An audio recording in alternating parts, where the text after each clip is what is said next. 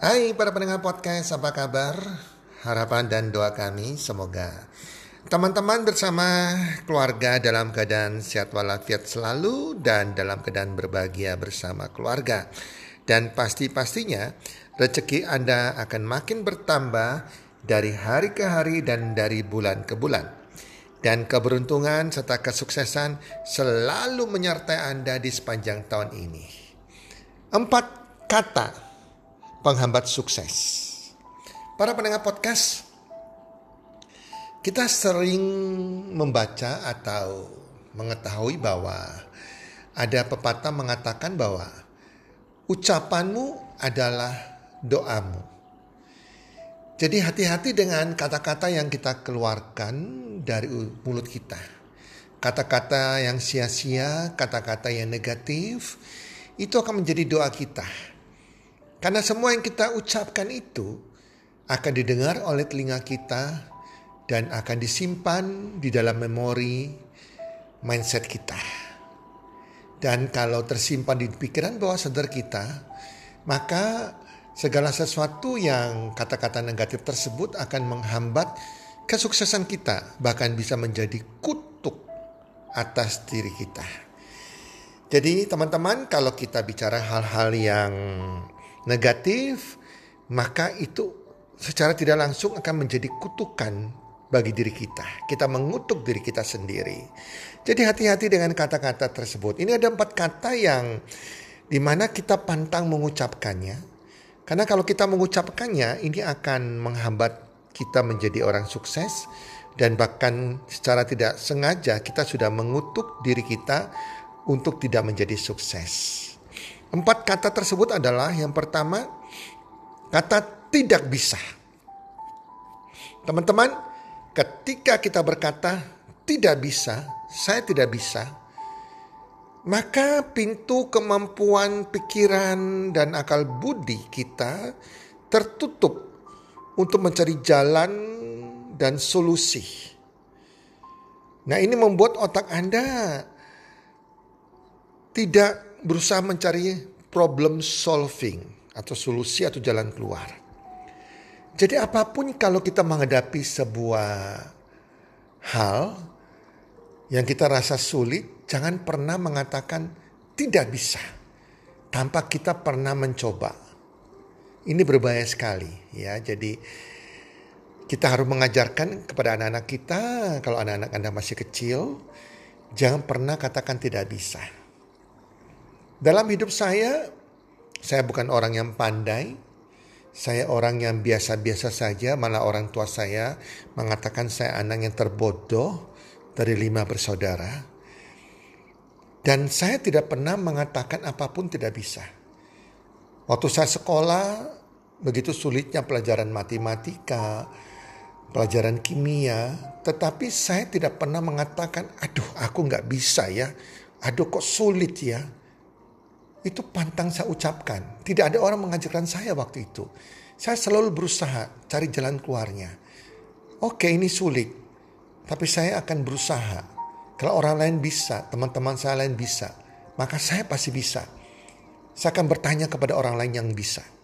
Sehingga dalam prinsip hidup saya, tidak ada yang tidak bisa saya kerjakan. Saya selalu katakan bahwa tunjukkan saya caranya, tunjukkan saya jalannya, saya pasti bisa. Nah, kata yang kedua, tidak mungkin. Orang-orang sering yang sering berkata, ah tidak mungkin, ah tidak masuk akal. Maka secara tidak langsung, tanpa dia sadari, itu akan menutup pintu keajaiban atau miracle dalam hidupnya. Ataupun keberuntungan laki dalam hidupnya. Kalau orang yang mengatakan segala sesuatu ah tidak mungkin, tidak mungkin. Nah, ini adalah orang-orang yang tidak percaya tentang keajaiban Tuhan, tentang penyertaan Tuhan. Apa pun menurut saya tidak ada yang tidak mungkin. Sebelum kita mencoba, kita membuktikan. Kita mencoba membuktikannya. Karena bersama Tuhan segala sesuatu itu mungkin. Tidak ada yang tidak mungkin. Jadi hati-hati kalau Anda sering bilang, ah tidak mungkin, tidak percaya. Artinya Anda menutup pintu keberuntungan, pintu keajaiban bagi diri Anda. Dan orang yang punya sikap seperti ini akan sulit meraih sesuatu yang hebat. Karena hampir segala sesuatu yang hebat berasal dari cara-cara yang istimewa yang kadang kita merasa itu tidak masuk akal, tidak mungkin, ya. Seperti halnya pada waktu kami, saya dan istri saya kita lagi terpuruk, gagal membangun bisnis sehingga bangkrut sampai tiga kali teman-teman. Bangkrut yang ketiga bank sudah nggak percaya lagi dan memberikan kami tambahan modal sehingga bank malah uh, sudah kasih ultimatum segera melunasi hutang-hutang kami karena sudah overdraft teman-teman ya. Bank-bank lain juga sudah tidak berani kasih kami pinjaman karena kita punya cash flow rekening koran kita jelek banget teman-teman. Nah di situlah kami sudah bingung bagaimana melunasi hutang yang begitu besarnya. Pikiran kami berbisnis itu harus dengan modal yang besar. Karena bisnis yang kami bangun waktu itu bernilai ratusan juta sampai miliaran. Dan itu pikiran bawah sadar kami Waduh kami sudah tidak punya uang, bagaimana mau buka bisnis lagi untuk menutupi hutang di bank. Waktu itu kami hanya bisa berdoa dan akhirnya membuka jalan dengan hal yang istimewa, hal yang hebat yang tanpa bisa kami pikirkan. Di mana istri saya akhirnya nggak sengaja ketemu dengan sepupunya menawarkan sebuah bisnis. Bisnis network marketing, bukan multi level teman-temannya, ini network marketing Dulu saya pikir mati level ternyata beda sekali. Ya modalnya waktu itu teman-teman ya hanya 40 ribu rupiah. Itu pun dia garansi back garanti. Kalau sekarang sekitar 100 ribu bisnis ini. Dan bisnis ini yang sangat unik. Di mana menjanjikan dalam waktu 2-5 tahun kita bisa memiliki pasif income, penghasilan ratusan juta dan menikmati kebebasan uang dan waktu yang bisa diwariskan. Itu sesuatu hal yang baru bagi saya karena kakek saya pengusaha, bapak saya pengusaha, kita sudah bekerja, mereka bekerja puluhan tahun, 50 tahun tetap tidak bisa pensiun. Tetap bekerja dengan modal miliaran. Ini di, hadapan saya yang dibawa istri saya ke saya, tunjukkan ke saya, sebuah bisnis yang hanya 40 ribu, 2 sampai 5 tahun sudah bisa freedom, bebas uang, bebas waktu, dan bisa diwariskan ke anak kita. Bukan bisnis miliaran. Tetapi untungnya saya tidak menolak. Saya tidak mengatakan, ah saya tidak percaya, ah tidak mungkin. Saya cuma rasa aneh, saya, dalam pikiran saya, saya berkata oke, okay, mungkin ini adalah sesuatu yang Tuhan kirimkan. Saya mau buktikan perusahaan ini berkata benar tidak. Hanya 40 ribu bisa memberikan kebebasan uang dan waktu dalam waktu lima tahun. Saya mau buktikan kalau sampai tidak, wow saya akan betul-betul somasi perusahaan ini sebagai penipu. Menipu masyarakat Indonesia. Nah jadi untungnya saya tidak mengatakan tidak mungkin atau tidak percaya. Tapi saya mau membuktikannya. Dan akhirnya kami berdua mencoba mengerjakan bisnis tersebut dengan tujuan dengan satu impian saja untuk melunasi utang kami di bank. Dan bersyukur pada Tuhan Yang Maha Esa, ternyata itu adalah alat yang Tuhan tolong untuk membantu kami. Dalam waktu dua tahun, hutang-hutang kami yang sangat besar di bank itu lunas. Dari sebuah bisnis yang hanya 40 ribu rupiah, saat ini 100 ribu teman-teman. Itulah sebabnya saya katakan bahwa Tuhan bisa memakai berbagai macam cara. Keajaiban bisa terjadi bagi hidup kita. Selama kita tidak menutup pikiran bawah sadar kita. Kita tidak mengeluarkan kata-kata yang mengatakan tidak mungkin atau tidak, tidak percaya. Nah yang ketiga, sudah tahu. Nah, setiap kali kita mengucapkan kata-kata, oh saya sudah tahu, saya sudah mengerti. Dan ini sering terjadi kepada anak-anak muda atau orang-orang yang sombong ya. Pada waktu kita mengajarkan sesuatu atau memberikan nasihat sesuatu atau menginformasikan sesuatu, mereka selalu mengatakan, "Oh, sudah tahu. Saya sudah tahu. Saya sudah ngerti." Padahal tidak sama sekali. Orang yang sering mengatakan sudah tahu sebenarnya dia sedang menutup pintu pembelajaran. Dia menutup pintu pengetahuan di dalam pikiran bawah sadar dia. Sehingga orang tersebut tidak berusaha untuk mempelajari dan mengetahui hal-hal baru atau perubahan baru atau segala sesuatu yang penting mungkin penting baginya. Padahal dalam hidup ini dari waktu ke waktu selalu terjadi perubahan dan segala sesuatu tidak selalu sama persis dengan hal-hal yang kemarin, hal yang masa lalu, ya. Jadi masa kini selalu berubah.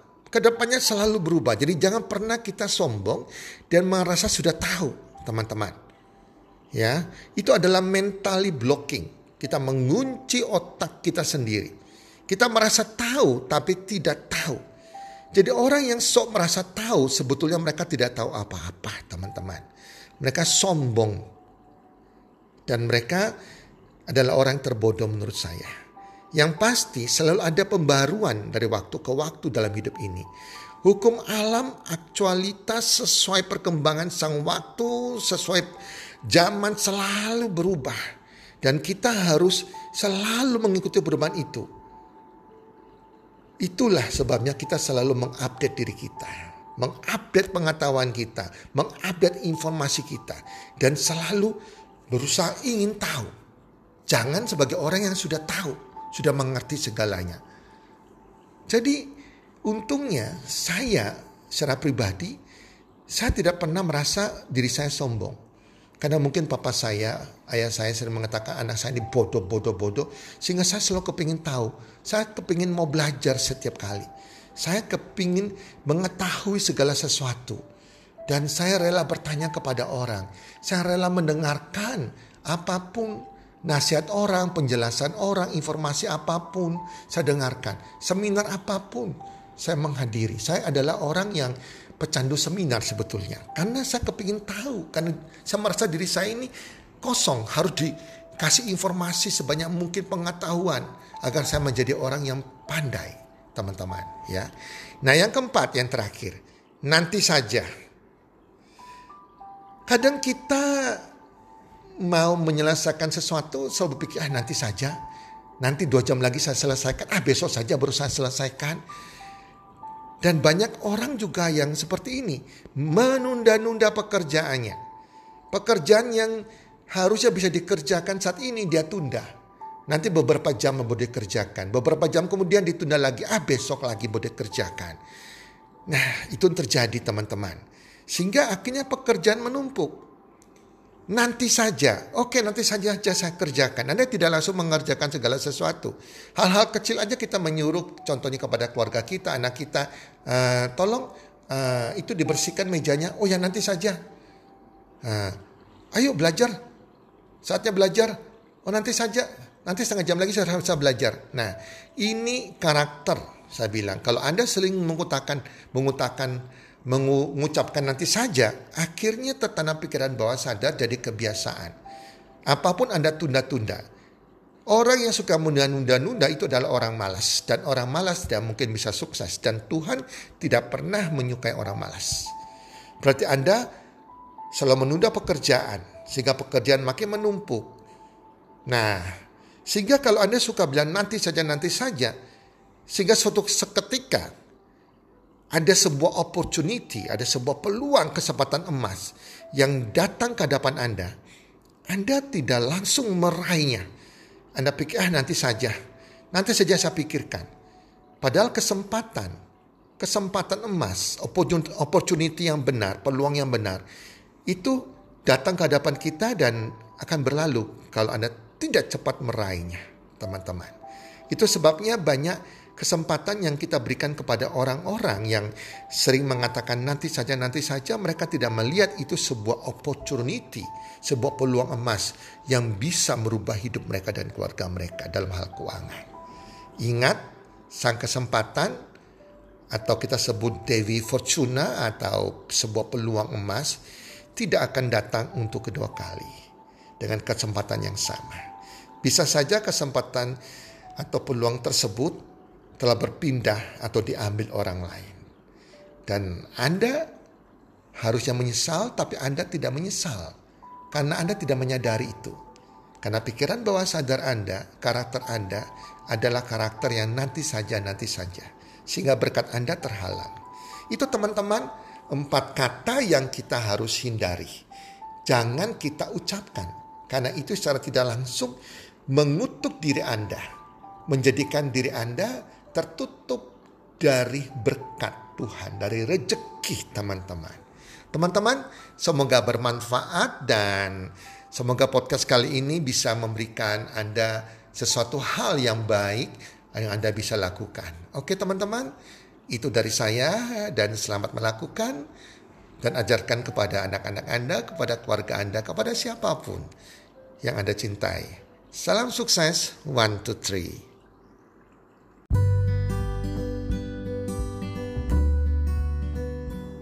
Terima kasih sudah mendengarkan podcast kami. Teman, jika Anda rasa bermanfaat podcast kami ini, Anda bisa menginfokan kepada rekan kerja Anda, keluarga Anda, teman ataupun sahabat Anda. Dan jika ada hal-hal yang Anda ingin tanyakan kepada kami ataupun topik-topik apa yang Anda ingin kami bawakan, kami sampaikan, Anda bisa DM kami di Instagram kami healthcommunity.id. Salam one two salam sehat, sejahtera dan bahagia.